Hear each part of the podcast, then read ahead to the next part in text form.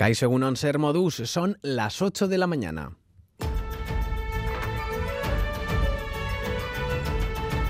Crónica de Euskadi con Lier Puente. Continúan las reacciones a la muerte para muchos asesinato de Alexei Navalny en una prisión rusa. La mujer del opositor, Yulia Navalnaya, aún no ha recibido confirmación de la muerte de su marido, pero ha pedido a la comunidad internacional que responsabilice al régimen de Vladimir Putin de esta pérdida. Este régimen y Vladimir Putin deben ser considerados personalmente responsables de todas las atrocidades que han infligido a mi país, a nuestro país, Rusia, a lo largo de los últimos años.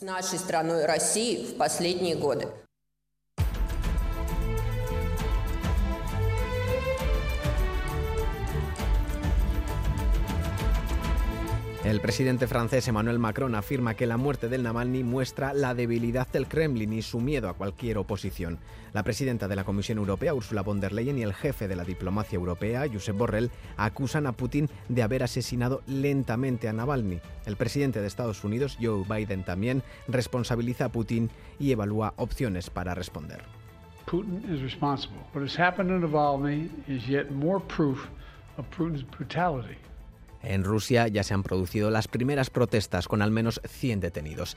Y en casa todo hace indicar que la legislatura cuenta sus últimas horas. Aroma a despedida en los discursos del Pleno del Parlamento Vasco. Si el jueves todo eran buenas palabras tras los acuerdos alcanzados, ayer volvía la disputa preelectoral. Duro rifirrafe entre EH Bildu y el Endacari que todavía no ha anunciado cuándo convocará las elecciones, aunque el lunes se reunirá con los líderes Gelzal y Socialista, Ortúzar y Andueza, para hacer balance de legislatura. Pero podría ser el momento propicio para seleccionar un día en el calendario. Escuchamos a Nerea Cortajarena y Ñigo Urcuyu. En todo caso, la siguiente legislatura tiene que ser clave para establecer otro tipo de relación con el Estado, una relación entre iguales. Ustedes reparten los carnets de con quién sí o con quién no se puede gobernar, como antes apoyaban una estrategia de violencia que dictaba quién sobraba y quién no. En Euskadi estamos a la espera de que se active el calendario electoral y en Galicia a punto de finiquitarlo. Hoy viven su jornada de reflexión allí, antes de acudir mañana a las urnas. El PP apela al voto útil. La oposición detecta nerviosismo entre los populares y proclaman que el cambio ya está aquí. Hacen un llamamiento a los abstencionistas para que acuden a votar con la esperanza de que les posibilite su camino a la Junta. Escuchamos a Ana Pontón, Pedro Sánchez y Alberto Núñez Fijo en los últimos mítines de campaña. O 18 de febreiro podemos deixar de perder, empezar a gañar un país digno para todos e para todas. La caída de Rueda y de Feijó es como el cambio en Galicia, imparable. Veo más presidente que nunca Alfonso Rueda. Somos más de los que ha traído el Partido Socialista Obrero Español en los 15 días de campaña.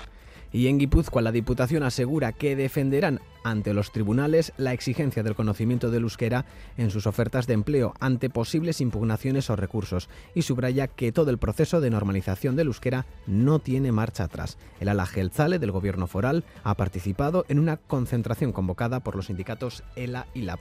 Irune Verasaluce, portavoz foral. Creemos que todo el proceso de normalización del euskera no tiene marcha atrás. Resulta a veces difícil de entender por qué ahora, después de tantos años, nos tengamos que ver en estos procesos judiciales por esta cuestión y, por supuesto, ante una impugnación o un recurso como este o cualquier otro, defenderemos nuestras ofertas públicas de empleo ante los tribunales, como también lo hemos hecho hasta ahora. En esta portada reservamos también un espacio para la información deportiva. John Hernández, Egunon. Egunon, Liero y juega Osasuna ante el Cádiz en el Sadar a las 4 y cuarto con el objetivo de dar continuidad a la gran victoria lograda hace precisamente una semana en el derby del Real Arena. En Liga F tenemos dos partidos, Athletic Betis a las 4 y media de la tarde y Villarreal Real Sociedad a las 6 y media. En baloncesto hoy se juegan las semifinales de la Copa del Rey en Málaga a las 6 de la tarde Real Madrid Valencia Basket y a las 9 Barcelona Lenovo Tenerife. En Liga Femenina Endesa a las 6 el IDE Causcoten recibe al Valencia Basket, a las 6 y cuarto Araski visita al Benvibre y a las 7 y media lo Guernica jugará en la cancha del Cadilaseu. En pelota anoche triunfo de Jaca y Mariez Currena por 22 a 20 ante Ezcurdia y Tolosa en Alchazu y hoy se miden en la Brit Artola Imaz ante Peyo Echeverría y Zabaleta. En balomano esta tarde a las 6 tenemos derbi en Atarrabía entre Petionac y Superamara Vera Vera en la Liga Guerrera Ciberdola y ayer en la Liga Sobal el Anaitasuna empató a 27 en casa contra el Sinfín. Esperamos un sábado con ambiente luminoso Euskalmet o Lats Príncipe, un on. Hoy será un día tranquilo y soleado en general. Comenzaremos el día con algunos bancos de niebla y restos de nubes, especialmente en el este, que irán desapareciendo con el paso de las horas y quedará soleado. Tan solo veremos algunas nubes altas en el cielo. El ambiente será frío a primeras horas, pero durante el día las temperaturas se recuperarán y las máximas ascenderán algo más que ayer. Se situarán en general entre los 14 y los 16 grados. Por lo tanto, predominará el ambiente soleado y las temperaturas diurnas ascenderán un poco. Reciban un saludo de los compañeros y compañeras de redacción que hacen posible este informativo, también de Jorge Ibáñez y Aitor Arizabalaga desde la parte técnica. Son las 8 y 5 minutos. Comenzamos.